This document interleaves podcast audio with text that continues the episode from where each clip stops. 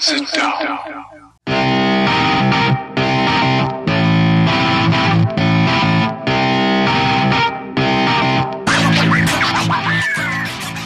Witam wszystkich i każdego z osobna. Ja jestem Robert Kochan, a to jest Kochana NBA, najbardziej nieobiektywny podcast o najlepszej koszykarskiej lidze świata.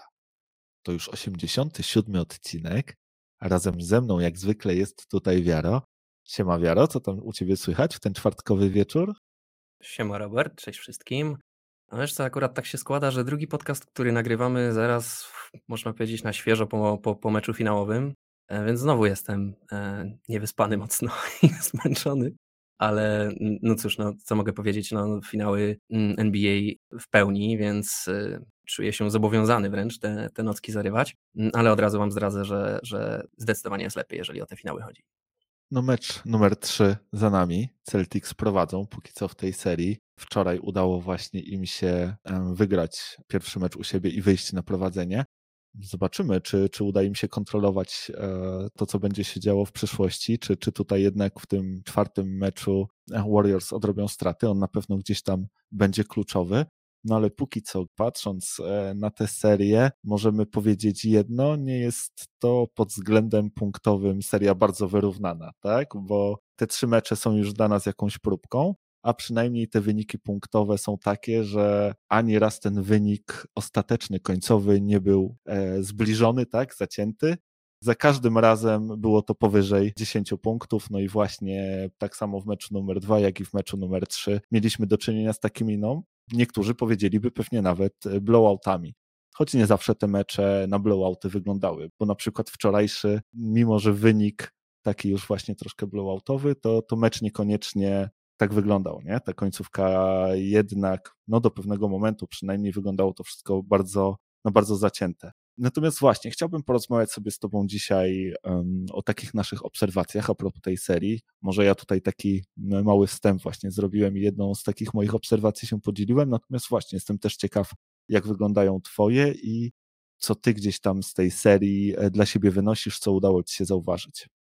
Wiesz co, no, ja już jakby część moich wrażeń na pewno mieliście y, po pierwszym meczu, no, no, nie byłem wiadomo zadowolony. Nasi słuchacze mieli okazję y, się nasłuchać y, z mojej strony, ale powiem Ci tak, no zawodzą mnie troszkę te, te, te finały, nawet nie troszkę, mocno mnie zawodzą te finały.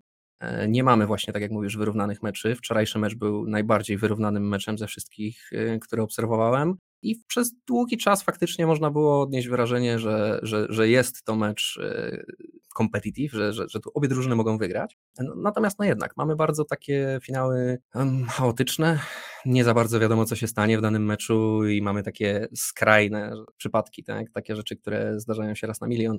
No i, no i nie ma nijak, nijak tego nie można powtórzyć. No powiem Ci tak, dla mnie takim dobrym mm, barometrem, powiedzmy, takim jakimś wskaźnikiem poziomu tej serii jest y, zdobycz punktowa Ala Harforda w, poszczególnych y, meczach, bo to, to, to, to jakby bardzo dobrze oddaje obraz tej serii, tak? przynajmniej w moich oczach. Pierwszy mecz Al Horfordy 26 punktów, 6 z 8 za 3, w drugim meczu 2 punkty, 1 z 4 z pola i w trzecim meczu 11 punktów, 5 z 7 z pola, jedna z dwóch trójek trafionych. E, myślę, że to był taki najbardziej zbliżony do rzeczywistości obraz Ala Horforda, jaki, jaki oglądamy. To, jest, to są takie zawody, jakie, jakie ten gość gra na co dzień. I wczorajszy mecz już w dużej mierze tak wyglądał, tak? Ja po tym meczu numer 3 jakichś takich wielkich yy, negatywnych odczuć jak po pierwszych dwóch meczach nie miałem. Pierwsze dwa mecze mnie strasznie rozczarowały. Nie? W pierwszym meczu to, co Celtics e, odpalili na koniec, no, ja w ogóle to, to nie, jest, to, to, nie są finały, jak, jak, jakich sobie życzyłem. No i to samo w drugim meczu. No ja też nie chcę oglądać, jak mecz w trzeciej kwarcie już nie istnieje i, i, i, oglądamy ogony obu drużyn, które grają w czwartej kwarcie. Tak, zawodnicy podstawowego składu już odpoczywają, bo już nie ma po co w ogóle e, na boisko wchodzić. Bez sensu takie granie jest. Inaczej, to jest oczywiście część koszykówki. To nie się tutaj nie obrażam na rzeczywistość, tak? To chodzi o to, że to mamy, mamy w tym momencie najważniejsze mecze sezonu, mamy finały, Życzylibyśmy sobie po prostu oglądać piękną koszykówkę, wyrównaną, taką fajną, twardą, zaciętą. No i wczorajszy mecz mnie osobiście zaczyna powolutku ratować e, te finały. Wczorajszy mecz się oglądało naprawdę fajnie, mimo tego, że faktycznie Celci ten mecz dość tak zdecydowanie wygrali, to ja cały czas miałem gdzieś takie wrażenie, że, że ten mecz jest y, do wzięcia, że tutaj nie ma jakiegoś takiego zdecydowanego faworyta. Celci nie mogli odjechać tak, żeby już faktycznie to Golden State wydawało się być niegroźne. Golden State dojeżdżało, raz nawet zresztą e, dojechali do, do tego stopnia, że mieli, że mieli przewagę punktową nawet, tak? Ale jednak to był, to był mecz, y, który, który Golden State próbowało wyrwać, Celci grali u siebie, no i tego się trochę spodziewałem. I to dostałem i, i, i to mnie cieszy, że, że, że ten poziom jakby taki mm, sportowy tych play, y, finałów NBA zaczyna, zaczyna nabierać y, rozpędu, że już nie oglądamy takich, takich chaotycznych rzeczy jak w tych pierwszych dwóch meczach, e, no bo bałem się, że, że finały będziemy mieli takie jak w dużej mierze i playoffy i sezon zasadniczy, że tak bardzo dużo takich anomalii się e, zdarza koszykarskich. Mm, rozmawialiśmy nawet kiedyś e, o powodach tego, z czego to może wynikać. E, więc cieszę się bardzo, że, że zaczyna to wchodzić na taki naprawdę fajny koszykarski poziom. Mecz numer cztery myślę, że będzie już naprawdę, no że będzie co oglądać. Takie przynajmniej mam nadzieję, trzymam ostro kciuki za to. No, jak mówię, wydaje mi się, że, że ten mecz może być kluczowy. Mam nadzieję, że on będzie e, spełniał oczekiwania wszystkich, że każdy znajdzie w nim coś dla siebie. Natomiast ja chciałem się gdzieś tam odnieść troszkę do tych rzeczy, o których wspomniałeś. E, mam tutaj tłumaczenie mianowicie dla Ala Horforda, jeżeli chodzi o ten mecz numer dwa i ten bardzo słaby występ, tak, który podsumowałeś. Dwa punkty bodajże, osiem zbiórek, jedna asysta, ale nie tylko statystyki, bo Al Horford był trochę poza tym meczem, jakoś nie potrafił się e, w tym meczu odnaleźć. A tłumaczenie mianowicie jest takie, że Al Horford 3 czerwca obchodził urodziny więc e, prawdopodobnie e, gdzieś tam e, z rodziną, z przyjaciółmi, ze znajomymi po prostu troszkę sobie zabalował, pofolgował i takie mogą być tego efekty. Wszystkiego najlepszego, takie spóźnione, al. Natomiast też wspominałeś o tym, jak ta ofensywa Warriors potrafi być zabójcza, jak oni właśnie w tym meczu wrócili gdzieś tam w tej trzeciej kwarcie no oni w ogóle w tych trzecich kwartach po prostu miażdżą swoich rywali i, i, potrafią tam kończyć mecze. I ja mam wrażenie, że każdy z tych spotkań, które do tej pory mieliśmy przyjemność oglądać, e, wyglądało tak, że ta pierwsza połowa była taka bardziej gdzieś tam zacięta, ona stała na wyższym poziomie, trzecią kwartę zawsze wygrywali Warriors, Natomiast właśnie potem, czy, czy Boston potrafili się podnieść i wygrać czwartą kwartę, czy tracili już zupełnie wiarę i, i w zasadzie grały rezerwy e, w czwartej kwarcie, tak jak to było właśnie w przypadku meczu numer dwa, więc, e, więc tutaj no, Warriors po prostu w tych trzecich e, kwartach miażdżą. W przypadku Game One to było 38-24 na korzyść Warriors, w Game 2 to było 35-14, a w Game 3 33-25, więc no słuchaj, Golden State Warriors w trzeciej kwarcie rzuci ci pewnie 35 punktów, coś w tych okolicach. Trzeba się na to szykować i, i wygląda na to, że Celtics nie są w stanie zupełnie w żaden sposób tego zatrzymać nic nowego, chciałoby się rzec, tak? Że no przecież wiemy o, o, o, tym, co Steph Clay, Draymond i spółka potrafią. E, no powiem Ci tak, trzeba na pewno uważać na tej e, trzeciej kwarty. To jest zawsze e, taka filozofia w Golden State panowała, żeby zresztą nie tylko w Golden State tak się nieraz te, te, te takie naprawdę napakowane talentem drużyny miały takie podejście do, mm, do meczy, że, że, że, pierwszą połowę to po prostu należy tak zagrać, żeby było, żeby to właśnie w miarę wyrównane było, a, a jak się zaczyna druga połowa, no to wtedy zaczynamy granie na poważnie. No, wciąż to są, to są jednak finały. Mnie to trochę dziwi, że, że obie drużyny są w stanie, no bo, no bo zobacz, no z jednej strony Celtics są w stanie zrobić e, Golden State taką czwartą kwartę jak wczoraj, gdzie Golden State zdobywa tam, nie wiem, 13, 15 czy 16 punktów, niewiele w każdym razie, a trzeciej kwarty nie są w stanie zatrzymać, dają sobie rzucić 35 punktów. Przecież to jest ta sama drużyna w tym samym meczu. Czym to się różni? Trzecia kwarta od czwartej, tak? No niczym. No to nie ma, nie powinno to mieć żadnego znaczenia, więc wciąż to dziwi, że, że takie rany e, są wysokie, że faktycznie ta trzecia kwarta dla Warriors jest taka magiczna. Może to jest jednak mimo wszystko tylko przypadek, taki po prostu w trzech meczach się wydarzyło i dlatego na to zwracamy taką większą uwagę. Może w tym nie ma mm, jakiejś, jakiejś e, większej, większej nauki tak naprawdę, e, a może nie, może, może, może ma to jakieś powody. Ja po prostu tych powodów nie dostrzegam, nie umiem ich znaleźć. Dla mnie to jest dość właśnie takie specyficzne i dziwne, nie? że mimo tego, że, że przecież to jest ta sama drużyna i gra przeciwko tej samej drużynie, ten sam mecz, jaka jest różnica między tą trzecią a czwartą kwartą. No ale tak to wygląda. Ja ci powiem tak, mnie drugi mecz y, kompletnie się nie podobał. Y, tu nie mam za, za wiele dobrego do powiedzenia na temat tego meczu, jako, jako oczywiście widowiska dla, dla kogoś, kto nie jest zainteresowany tym, kto tutaj wygra. Tu oczywiście kibice Warriors na pewno się bardzo cieszyli z tego meczu. Moje też takie spostrzeżenie z, z tego drugiego meczu i zresztą z całej tej serii finałowej jest takie, że naprawdę sporo wbrew pozorom zależy od tego, jak Jordan Poole gra. Mimo, że widzisz, ja nie byłem przekonany co do tego, że, te jego, e, że ten jego magiczny sezon się przełoży, no i jak widzisz, nie do końca się przekłada. Nie? Jest bardzo chaotyczny, bardzo jest e, nierówny w swoim graniu. Mm, no i w meczu numer dwa trafił dwie, umówmy się, mega fuksiarskie trójki. Na koniec właśnie tej trzeciej kwarty, dobijając, można powiedzieć, Celtów. E, no i po tym już cel, Celci złożyli broń, nie? już nie było czego oglądać, więc to, to bez sensu było kompletnie, jeżeli chodzi o drugi mecz. No ale taka właśnie ciekawostka myślę, nie? że Jordan Poole wbrew pozorom dużo od niego zależy. Nie? Jest takim czynnikiem, który nieraz może zadecydować o tym, czy Warriors ten mecz wygrywają, czy przegrywają. Nie? No tak, zdecydowanie Jordan Poole jest takim graczem, który potrafi tę iskrę do, do ofensywy twojego zespołu wnieść, natomiast no, nie zawsze można nim w playoffach grać, bo jest e, bardzo obciążający, jeżeli chodzi o tę drugą stronę parkietu, tak, czyli stronę defensywną. Potrafi być bezlitośnie wykorzystywany, e, bo jest jednym z najgorszych zawodników pod względem defensywnym w tej drużynie, więc no właśnie, jest to wykorzystywane i nie zawsze można dużo Jordanem Poolem grać. Okazuje się, że jednak e, mimo wszystko przeciwko Celtics da się trochę więcej i Jordan Poole występuje, no i rzeczywiście on jest właśnie takim streaky shooterem, tak, że Taki trochę J.R. Smith, nie? Tylko bez tego, wiesz, ekstra, co J.R. Smith wnosił. Ale J.R. też w swoim, powiedzmy, prime time to był takim trochę zawodnikiem, który potrafił wybuchnąć za 30 punktów, ale zazwyczaj dawał ci 12, nie? No, kto wie, być może jest to na przykład przyszły najlepszy szósty zawodnik ligi, no coś, coś w tej jego grze jest takiego właśnie pasującego do, do tego stylu gry szóstego zawodnika. Coś z Lou Williamsa, coś z Jamala Crawforda, może jest taki crazy w tym, co robi, ale, ale bardzo dobry jest. No przecież ten jego e, bazer w tym meczu numer dwa, gdzie e, Steph mu tam po prostu aż bił brawo, coś, coś pięknego, nie? No niby tak, ale też fuks. No, to się nie będzie zdarzać często, nie? Wiesz, e, na pewno on będzie próbował, tak? Myślę, że to jest tego typu gracz, który będzie próbował i bardzo fajnie moim zdaniem pasuje do, do Warriors, do tej ofensywy. Moim zdaniem jest, jest tam bardzo dużo takiej dobrej chemii. Natomiast jeżeli chodzi jeszcze o ten mecz numer dwa, to ja z kolei zwróciłem uwagę na taką bardzo ciekawą rzecz, bo nie wiem, czy przyglądałeś się statystyce plus minus zawodników Boston Celtics e, po tym meczu.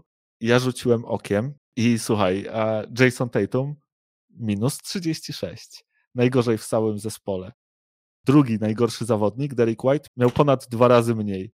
No i yy, powiedz mi, czy to jakby czy to sprawia, że, że yy, uważasz, że to był słaby mecz tej Tuma, że to jest jakby jego wina, że to odzwierciedla dobrze to, co się działo na boisku, ten plus minus?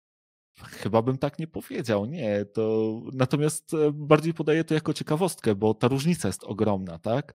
Bo między drugim zawodnikiem, który ma minus 17, no a Jasonem Tatumem minus 36, to jest bardzo duża różnica i zacząłem się zastanawiać, z czego ona tak naprawdę wynika. No, to nie był najlepszy mecz Tatuma, tak? Dużo pudłował w tym meczu. Ale to akurat ja ci mogę powiedzieć, z czego ta różnica wynika, bo, bo to jest akurat prosta matematyka. To e, Jason Tatum spędza po prostu na parkiecie. On schodzi ostatni, tak? To są, jak, jak poddajesz mecz, jak już jest taka sytuacja, że wiesz, że meczu nie wygrasz, to ostatni schodzi ten najlepszy. No takie są fakty.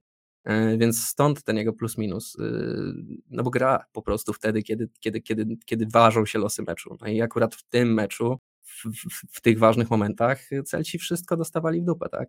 No i stąd taki wysoki plus minus moim zdaniem. To nie, to nie odzwierciedla jakby tutaj nic nadzwyczajnego, tak wielokrotnie było. Można sobie prześledzić plus minusy różnych LeBronów, Jamesów i innych tego typu zawodnikach zawodników y, właśnie w takich podobnych meczach. I to, to tak wygląda, bo no to po prostu jest prosta matematyka, nie?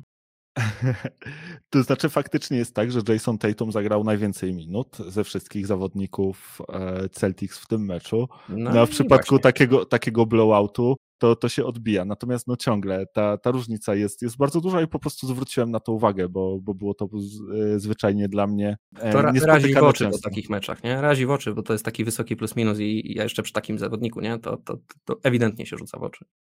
Natomiast chciałbym teraz przejść do e, mojej obserwacji. Mianowicie powiem Ci szczerze, że uważam, że ta seria to troszkę taka bitwa turnoverów. I to doskonale, doskonale widać po każdym z tych meczów, tak? I jeżeli Celtics będą w stanie ograniczyć liczbę swoich turnoverów do powiedzmy nie więcej niż 12 e, w meczu, to wydaje mi się, że, że będą w stanie wygrać tę serię. Jeżeli im się to nie uda, to nie jestem tego wcale, wcale taki pewien, bo mm, no, tych turnoverów jest, e, jest, jest na potęgę po prostu w każdym z tych meczów i w samym w ogóle e, meczu numer dwa Celtics zrobili ich 18 i dopuścili aż do 33 punktów e, po tych turnoverach. No, jak robisz coś takiego, to nie jesteś w stanie meczu wygrać. Golden State Warriors miało 12 turnoverów. We wczorajszym meczu to to się e, zamieniło troszkę, tak? Tutaj akurat e, Boston miało 12, Golden State Warriors 16 turnoverów, no i też właśnie odbiło się gdzieś to na, na wyniku końcowym, więc e, wydaje mi się, że, że to właśnie będzie tak, że kto będzie tych błędów popełniał mniej, ten tę serię będzie w stanie potrafić dowieść do końca i wygrać. Powiem tak, y, zgadzam się na pewno z tym, co powiedzieli, że, że ten, kto będzie popełniał mniej błędów, y, będzie tą serię wygrywał, ale akurat turnovery to też jest taka specyficzna sprawa, bo turnover turnoverowi nie jest równy, nie? Bo dla przykładu, jak stracisz piłkę, bo biegniecie w ataku do fast breaka i podasz do kolegi za mocno i ta piłka wypadnie na out, nie? To jest jeden typ turnovera no to jak wyrzucisz tak piłkę na out, no to po prostu oddajesz piłkę przeciwnikowi, nie? Ale może być taka sytuacja, że jesteś point guardem i idziesz po prostu z piłką, cała twoja drużyna jest już e, pod koszem, tracisz tą piłkę na rzecz point guarda przeciwnika, który biegnie w drugą stronę i sypie truje, nie? To jest warte nie trzy punkty, to jest warte pięć punktów co najmniej dla nich, nie? Bo ty nie zdobyłeś dwóch albo trzech, a oni zdobyli trzy.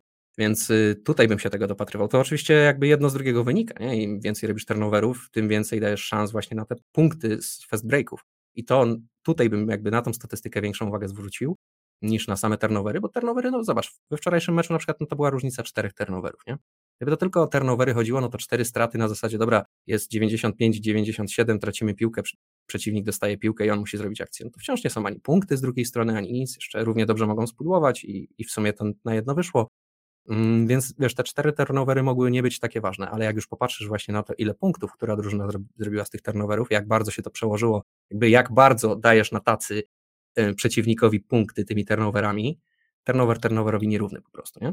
To, no, no to, to, to już jest, y, to widać potem, nie? I to się odbija faktycznie na tych wynikach meczów i tutaj się z tą zgadzam w 100%, że ta drużyna, która będzie właśnie mniej takich głupich błędów popełniała, mniej oddawała piłki, takich live turnoverów robiła takich e, sytuacji, które właśnie prowadzą do fast breaków, prowadzą do szybkich punktów e, z drużyną przeciwną.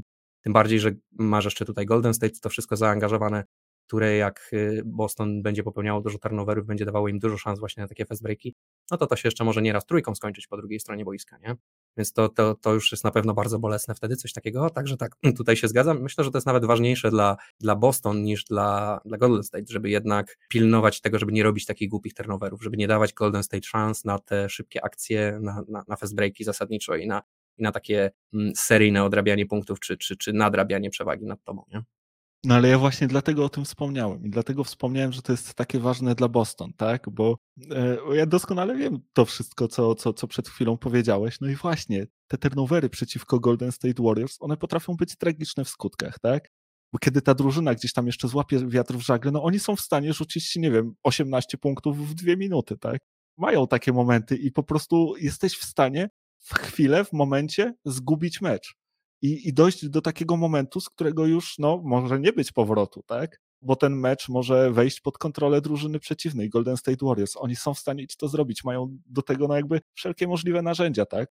Jordan Poole i, i Steph Curry sami w sobie są, są w stanie to zrobić, a jest jeszcze przecież Clay Thompson, który ok, nie gra może najlepszej serii, ale akurat jeżeli chodzi o rzuty za trzy, no to, to daje całkiem nieźle radę. Więc jeśli jesteś niechlujny e, w rozegraniu piłki, właśnie w pilnowaniu jej przede wszystkim, to potrafią ci wyrządzić ogromną krzywdę. No i tak jak już powiedziałem, no to może być tragiczne w skutkach najzwyczajniej. Dlatego też powiedziałem, że no, zgadzam się z Tobą w tym, co powiedziałeś. Po prostu patrzę na to też bardziej pod kątem nie samych turnoverów, bo, bo to, to, turnover to jest tylko statystyka. No, nie chodzi mi o to, kto ma, czy jedna drużyna ma 16, druga ma 12, tylko jak to się przełożyło, jakie to były turnovery, jakie typy turnoverów, tak? Jak, ile punktów oddałeś tymi turnoverami drużynie przeciwnej. Bo równie dobrze mogłeś zrobić 16 turnoverów i oddać 12 punktów z fast breaka, nie? Zamiast 33. No i to by się wtedy nie przełożyło wcale na, na coś takiego. Także tylko, tylko jakby pod tym kątem, bo jakby tutaj się zgadzamy w 100% co do tego, co ci może, co ci takie turnovery mogą wyrządzić. I to nie tylko jeżeli chodzi o Golden State, bo umówmy się, no rzucanie open trójek, czy fast breaki 3 na jednego, czy 4 na jednego, czy na dwóch, no to są łatwe i proste sposoby na zdobycie dużej ilości punktów w szybki sposób. Nawet jeżeli nie jesteś Golden State. Oczywiście Golden State są tutaj ekstra groźni ze względu na to, jacy to są snajperzy, jaka to jest drużyna, która potrafi tak szybko punkty zdobywać, ale Boston też bym się bał. Także tutaj Golden State też, y, dla, dla Boston to jest absolutnie konieczne, zgadzam się tutaj z Tobą, że to dla nich to jest mega ważne, absolutnie konieczne, żeby nie, nie dopuścić do tego, żeby Golden State mogło sobie tak pogrywać. No a do, dla, dla Golden State to jest po prostu bardzo ważne, tak, żeby, żeby nie dopuścić do tego, żeby Boston miało więcej punktów z breaków niż oni żeby, żeby po prostu w łatwy sposób zdobywać, sobie, oddać e, posiadanie piłki i pozwolić drużynie przeciwnej zdobywać punkty. Nie? Słuchaj, co powiesz na to, żeby znaleźć teraz moment i pozachwycać się przez chwilę Stephem Kerem? Bardzo bo, dobry pomysł. Bo to co, to, co ten gość robi, no jeżeli Golden State Warriors uda się wygrać te finały, uda się zdobyć to mistrzostwo, no to to jest murowany kandydat do MVP tych finałów. Każdy mecz przynajmniej dobry, a niektóre bardzo dobre, świetne, tak? Ale to, czym ja się chciałem przede wszystkim pozachwycać, to nawet nie jest ta gra ofensywna, to nawet nie są te trójki, tak? To, to wszyscy znamy, wiemy, że Steph to potrafi. Nawet nie to, że ciągnie niejako tę drużynę gdzieś tam na swoich plecach tą, tą swoją grą, ale to, jaki postęp zrobił, jeżeli chodzi o grę defensywną. Steph Curry moim zdaniem nie jest już w ogóle jakby wadą twojego zespołu w defensywie. To jest Wręcz gość, który, przeciwnie który naprawdę daje radę, jest takim skrapi graczem, tak? E, wszędobylskim trochę. Wydaje się, że wzmocnił się w ogóle fizycznie. Mam wrażenie, że, że nie są w stanie go e, do końca przepchnąć. Świetnie się ustawia, jest bardzo aktywny, dużo biega, jak to zwykle on. No i naprawdę powiem ci, że ja nie jestem przyzwyczajony do takiej wersji Stefa Kerego grającego w defensywie i, jak widać finały wyzwalają w nim wszystko to, co najlepsze. No, nie tylko finały, Stef już od jakiegoś czasu tak gra, ale fakt faktem w finałach, no, wskoczył na wyższy poziom, tak ogólnie. Nie? Widać to przede wszystkim to zaangażowanie. To przede wszystkim o to chodzi, tak? Jak tutaj e, mówimy o tym wyższym poziomie, bo pewnie w statystyki, jakbyś spojrzał, to jakoś tego tam może strasznie nie widać, ale to zaangażowanie na boisku, właśnie to z jaką, z jaką pasją Stef gra defense, nie? Też byłem bardzo mocno zaskoczony. Wiesz, no, ja w, była taka sytuacja w meczu numer dwa, gdzie Al Horford dostał piłkę, no można powiedzieć, pod koszem ze Stefem, który go kryje. E, wszedł pod kosz, mimo tego właśnie, e, że, że jest dwa razy większy, można powiedzieć, od Stefa i jest zasadniczo graczem podkoszowym, no to Stef okazało się, że taki defense tam, tam na nim zagrał, że nie dość, że go wypchnął spod tego kosza, e, no to jeszcze mu na koniec ukradł tą piłkę, czy też tak się ustawił, że, że Horford zrobił turnovera ja zawsze w takich sytuacjach będę się bardziej śmiał z tego dużego zawodnika, który, który sobie na to pozwolił, ale no wciąż, nie? To takie sytuacje właśnie i ten defense, o którym ty mówisz, no to właśnie w takich momentach widać, nie? To się oczywiście nie będzie zdarzać często, jakby tak yy, pewnie poprosić Stefa Kerego o to, żeby cały mecz krył zawodnika pokroju Ala Horforda, no to pewnie by się to i tak dla ciebie dobrze nie skończyło, ale ja też jestem pod ogromnym wrażeniem tego, jaki Steph Curry postęp zrobił w, w defensywie. Nigdy nie uważałem go za dobrego obrońcę nawet, zawsze uważaliśmy wszemi wobec, można powiedzieć, że to jest czarna dziura w defensywie i że to jest zawodnik, którego trzeba ukryć. Tak się zresztą wielokrotnie mówiło o tym, że też te drużyny Golden State ukrywały gdzieś Stefa w defensywie. No more, jak się to mówi, tak? Steph teraz to wręcz mało tego, że, że gra e, przyzwoity defense, to gra naprawdę dobry defense. Mi się wydaje, że on jest e, w tym momencie plusem w obronie dla twojej drużyny. No, naprawdę wygląda na solidnego defendera, no. Co tu, co tu więcej gadać? I powiem ci, że to nie jest to nawet jedyny element, który jest dla mnie zaskakujący, bo tak jak nigdy nie wyobrażałem sobie właśnie Stefa jako takiego y, świetnego obrońcę, tak też nigdy w mojej głowie nie figurował jako point guard e, grający jakby pick and roll, kiedy, kiedy to on ma piłkę, tak? Raczej Golden State Warriors ich ofensywę kojarzy właśnie z ruchem, z tymi podaniami, bieganiem bez piłki, wystawianiem się na pozycję, zasłonami, które mają właśnie uwolnić shooterów. To jest bardziej gra, którą, którą kojarzę, jeżeli chodzi o Golden State, a tymczasem w tej serii finałowej Steph Curry gra po prostu pick and roll jak na zawołanie. Jeśli się nie mylę, każdy z tych trzech finałowych meczów znajduje się w top 10 e, jego meczów w karierze pod względem ilości zagranych przez niego pick and rolli. E, Steph Curry bardzo dużo jakby korzysta z tej broni i świetnie się w tym wszystkim czuje. W ogóle te statystyki, jeżeli chodzi o pick and roll, kiedy to właśnie e, Steph Curry ma piłkę w swoich rękach, a, a inny zawodnik stawia mu zasłonę, no porażają. One są naprawdę niezwykle wysokie i bardzo długo Boston Celtics w tej serii mieli też z tym problemy i dopiero gdzieś tam wydaje mi się w tym, w tym właśnie ostatnim spotkaniu e, przynajmniej tak to wyglądało, że, że znaleźli na to niejaką receptę. Nie wiem na ile ona jest długotrwała, bo, bo nie jestem pewien, czy, czy Grant Williams będzie tutaj jakby w stanie cały czas e, tak dobrze kryć Stefa jak we wczorajszej czwartej kwarcie. No ale właśnie, te, te, te numery są fantastyczne i powiem Ci, że to jest kolejna rzecz, z której właśnie Stefa nie kojarzyłem, a z którą radzi sobie znakomicie w tych finałach.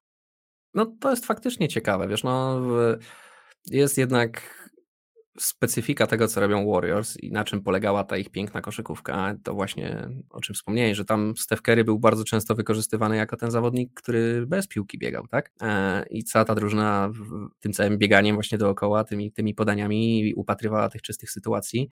Przeciwko Celtics jest ciężko grać taką koszykówkę. Oni mają bardzo dobrych obrońców tak wszemi wobec, nie? Więc y, tam jest ciężko o to, żeby ta koszykówka była skuteczna. Oni potrafią nadążyć za tymi twoimi podaniami i po prostu nie masz tych open pozycji. Nie?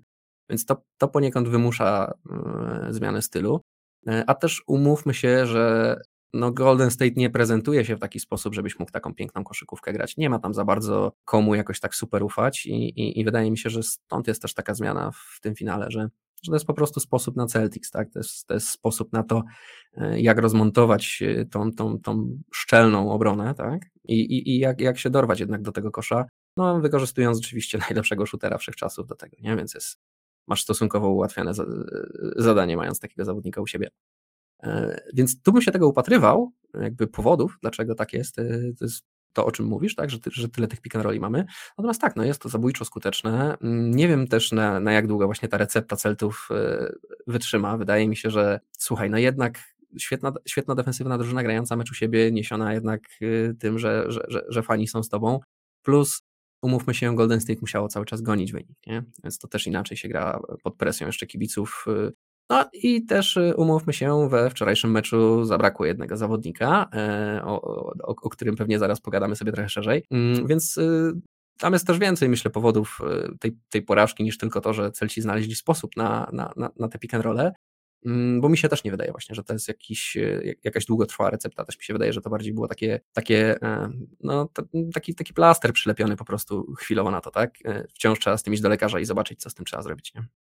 No na pewno finały to taki czas, kiedy właśnie szuka się cały czas gdzieś tam recept na, na broń przeciwnika i, i cały czas każdy z zespołów dokonuje usprawnień tak, w swojej grze i stara się właśnie wyprzedzić o krok e, swojego przeciwnika, więc tu na pewno trenerzy będą szukać właśnie recept na tutaj na Stefa, tutaj na to, jak Stefa jeszcze bardziej uwolnić. Jestem pewien, że, że zobaczymy mnóstwo tego jeszcze w tych finałach ale wspomniałeś tutaj o pewnym gościu, więc nie sposób, żeby teraz o nim e, nie porozmawiać, no bo mówiąc szczerze, ta seria mogła zupełnie inaczej wyglądać i mogło być pewnie nawet 3-0 dla Celtics, e, gdyby pewne wydarzenie poszło inaczej, gdyby sędziowie przede wszystkim zdecydowali inaczej, bo mam tutaj na myśli sytuację z meczu numer dwa, zaraz przed przerwą, gdzie Draymond Green i Jalen Brown spieli się ze sobą, upadli na parkiet. E, Draymond Green miał już na, na swoim koncie przewinienie techniczne.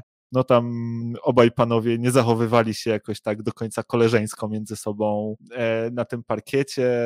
Zresztą potem Jalen Brown oskarżał Draymonda o próbę ściągnięcia mu spodenek, tam, no tam isk iskrzyło y, między panami, zresztą nie pierwszy raz, bo, bo w tym meczu Draymond no, starał się mocno zajść Jalenowi za skórę po tym, jak ten wybuchnął w pierwszej kwarcie. I Draymond Green, mimo że sytuacja według przepisów e, wskazywałaby na to, żeby dać mu przewinienie techniczne. Drugiego takiego przewinienia nie otrzymał. To zresztą oznaczałoby, że, że musiałby opuścić parkiet. No ale właśnie, sędziowie zdecydowali inaczej i gdzieś tam broniąc ich decyzji, obecny w studiu stacji ABC analityk właśnie tych e, decyzji sędziowskich, no wspominał o tym, że, że, że ta decyzja sędziów jest gdzieś tam słuszna, że tutaj jakby NBA stara się nie psuć widowisk i e, nie eliminować e, najlepszych graczy z tak ważnych spotkań, żeby, żeby mogli takie spotkania kontynuować i że inaczej się patrzy na to, na dane zachowanie w zależności od tego, czy zawodnik ma już na swoim koncie właśnie przewinienie techniczne, czy, czy go nie ma. No i chciałem zapytać Cię, co o tym myślisz i, i jakie jest Twoje zdanie na, na ten temat, bo temat jest, no, wydaje się, mocno kontrowersyjny w całym świecie koszykarskim. Zdania są e, mocno podzielone, no i właśnie jestem ciekaw, jakie jest Twoje. To jest moim zdaniem taki dość klasyczny przykład tego, jak świat działa i, i, i tego, że po prostu no, pewne rzeczy są, są pewnego rodzaju niepisane zasady, tak? Nie wszystko jest powiedziane, nie wszystko jest napisane, nie wszystko jest gdzieś tam umówione i powiedziane wcześniej. No, są pewne, pewne, pewne zasady, które, no nie wiem, no, na boisku respektujesz pewne rzeczy, mimo że, że o nich nie wiesz, tak? No i jedną z takich niepisanych zasad jest to, że um, supergwiazdy NBA są inaczej traktowane przez sędziów niż cała reszta graczy NBA. No i czy to jest zasłużone, czy to nie jest zasłużone, no to możemy sobie dyskutować na ten temat. Natomiast tak jest, to jest fakt, tak było. Y, mamy bardzo dużo przykładów na, na to z historii NBA. Y, no i jak widać, do dziś to funkcjonuje. No to jest, natomiast to jest najbardziej taki parszywy i um, zmutowany obraz tego, jaki można sobie wyobrazić, bo to absolutnie nie o to chodzi, w, jakby w tej niepisanej zasadzie żeby Draymond sobie mógł na wszystko pozwalać podczas meczu i żeby mógł sobie robić co chce i żeby sobie mógł po prostu cyrkować, tylko dlatego, że wymyślił sobie taktykę, że sobie złapie pierwszy techniczny w pierwszych trzech minutach meczu i potem sobie będzie robił co chce, bo go nie wyrzucą przecież, bo to są finały.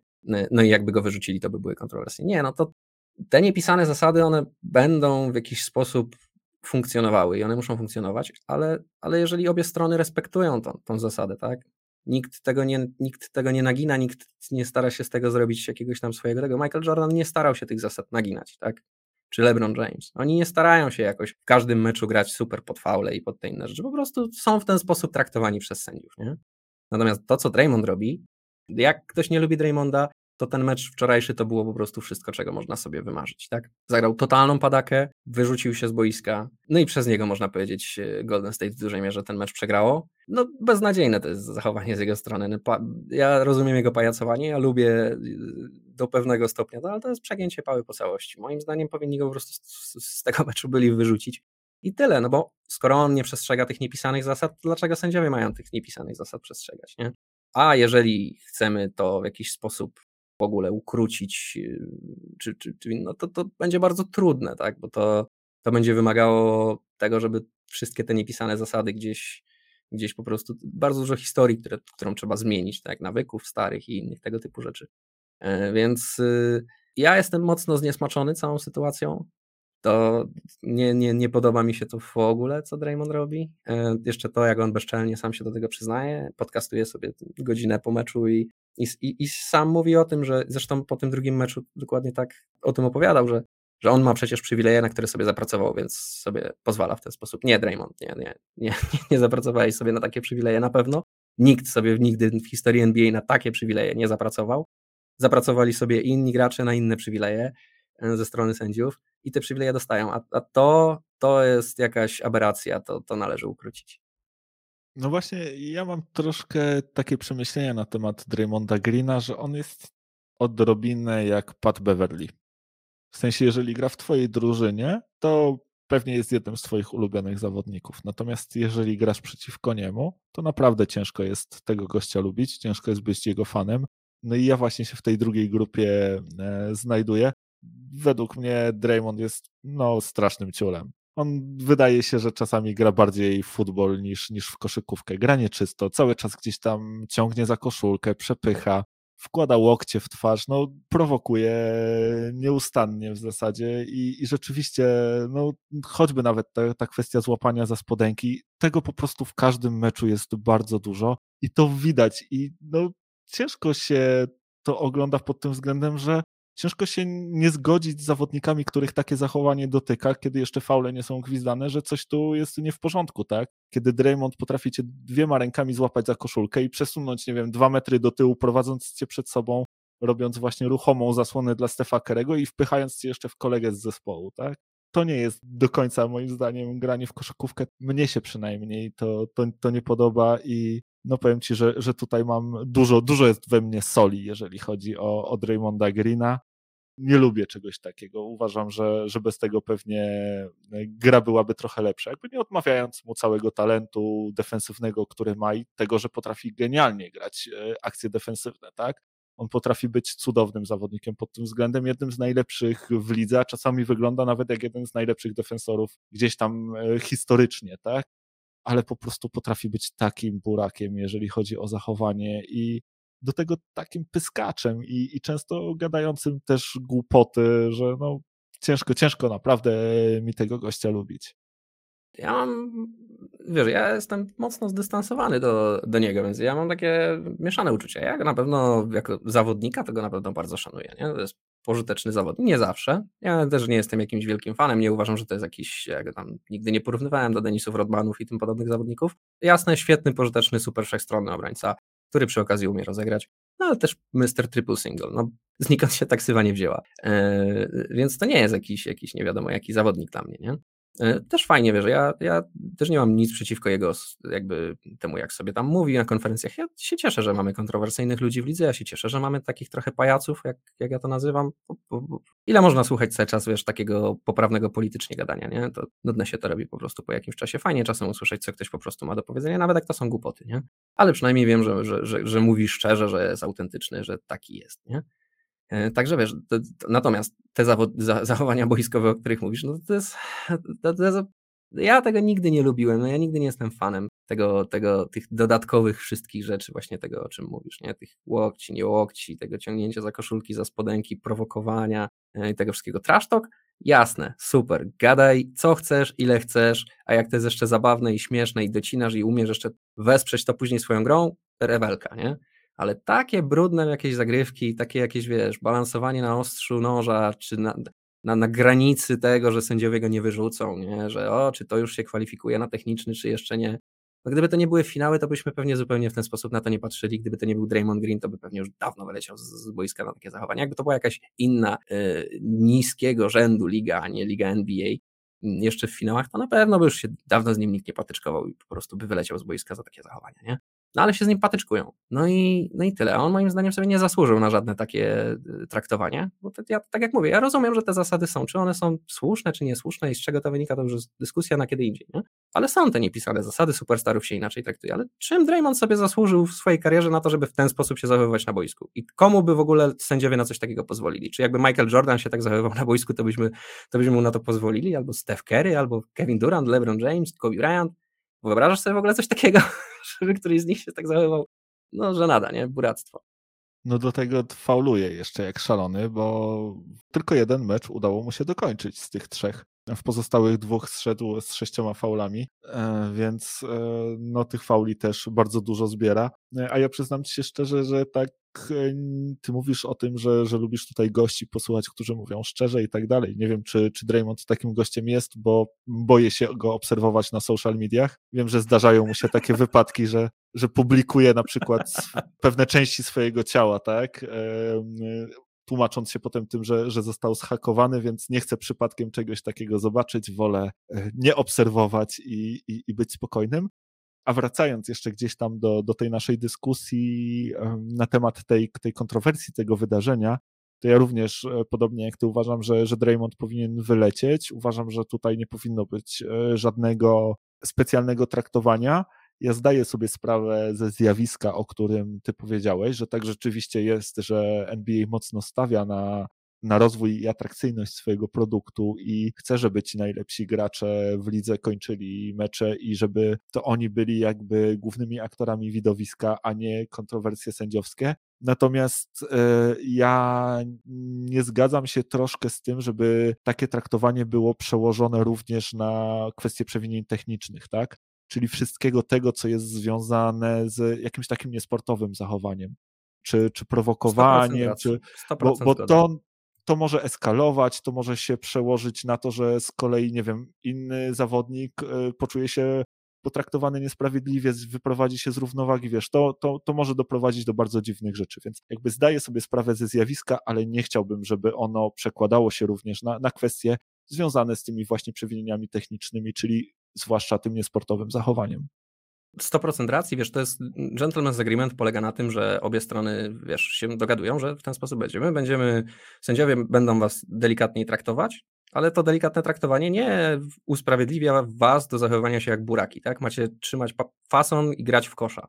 I, I większość zawodników, którzy dostają takie preferencyjne traktowanie, się z tym zgadza i tego nie nadużywa w żaden sposób. Nigdy nie mówiliśmy w ten. Takich kontrowersji nigdy nie, nie mieliśmy, że właśnie chodzi o Michaela Jordana, Kobiego Bryanta, Lebrona Jamesa, Kevina Duranta, ca, całą śmietankę wszelkich zawodników. Nie, nie mówimy o takich rzeczach, bo oni nie nadużywają tego w żaden sposób. Rozumieją, że to jest gentleman's agreement, że to jest taka, taka niepisana umowa i, i tyle, tak? Jeżeli będziesz superstarem, będziesz faktycznie gwiazdą, no to po prostu sędziowie będą cię trochę delikatniej traktować. Ale to się 100% z tobą zgadzam, że to się absolutnie nie przekłada na to, że możesz się zachowywać jak kawał buraka na boisku i psuć w ogóle opinię całego NBA. Czy myślisz, że NBA jest zadowolone z tego, co, co Draymond robi? Na pewno nie. Na pewno im się to nie podoba. Ciężko powiedzieć. Mam taką nadzieję. E, dobrze, słuchaj, zostawmy w takim razie te finały i tylko jednym, dwoma słowami e, chciałbym tutaj jeszcze na koniec e, wspomnieć o, o, o karuzeli trenerskiej, z jaką teraz mamy do czynienia, bo, bo wydarzyło się podczas ostatniego tygodnia sporo w tej kwestii. Lakers przedstawili swojego nowego trenera, tak, swojego nowego head coacha.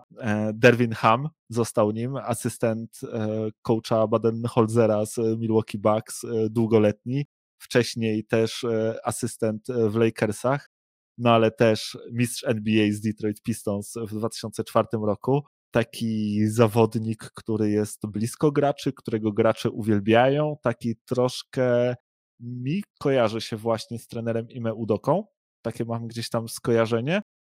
On też jest taki no BS, że tak powiem, i jest w stanie się fajnie z graczami komunikować. Więc e, zresztą pokazał to na konferencji prasowej, gdzie, gdzie zaczął chwalić Russella Westbrooka. Sam raz podobno zachwycony właśnie pojawieniem się e, Derwina Hama e, w szatni Lakers.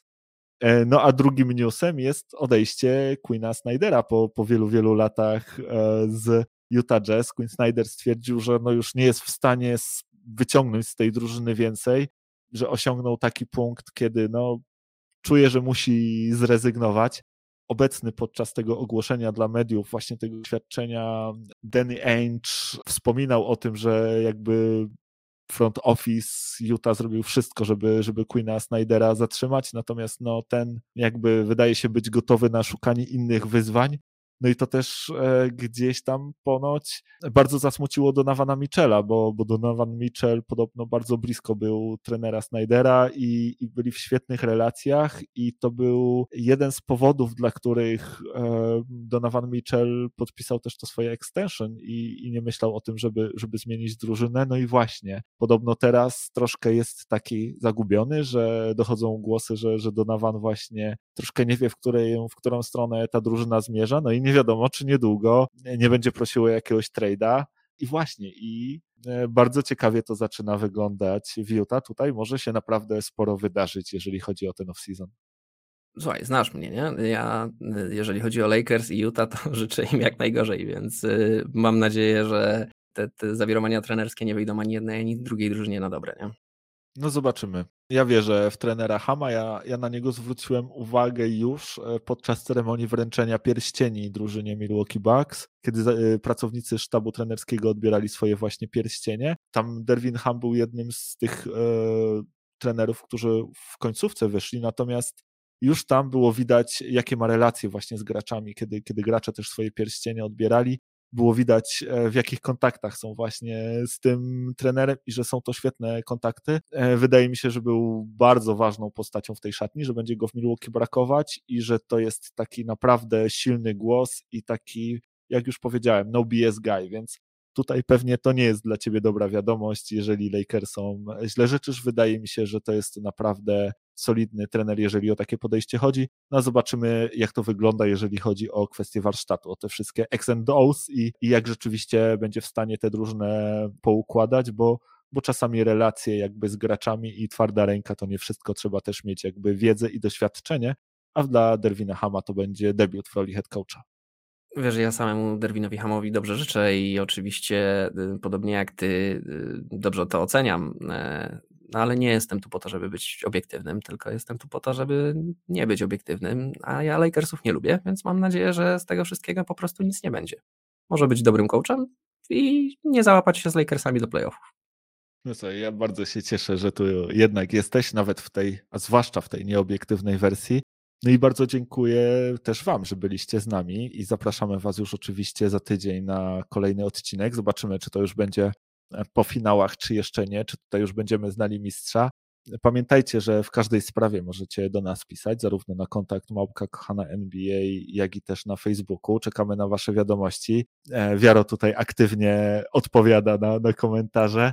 Ja, ja też e, w wolnej chwili staram się to robić, gdzieś tam po, po, po spacerach z córką. E, piszcie do nas, zawsze, zawsze chętnie czytamy, co macie do powiedzenia. No i co? No i bądźcie z nami za tydzień na kolejnym odcinku. No nic dodać, nic ująć. Trzymajcie się cieplutko i do usłyszenia za tydzień. Cześć. Trzymajcie się, hej.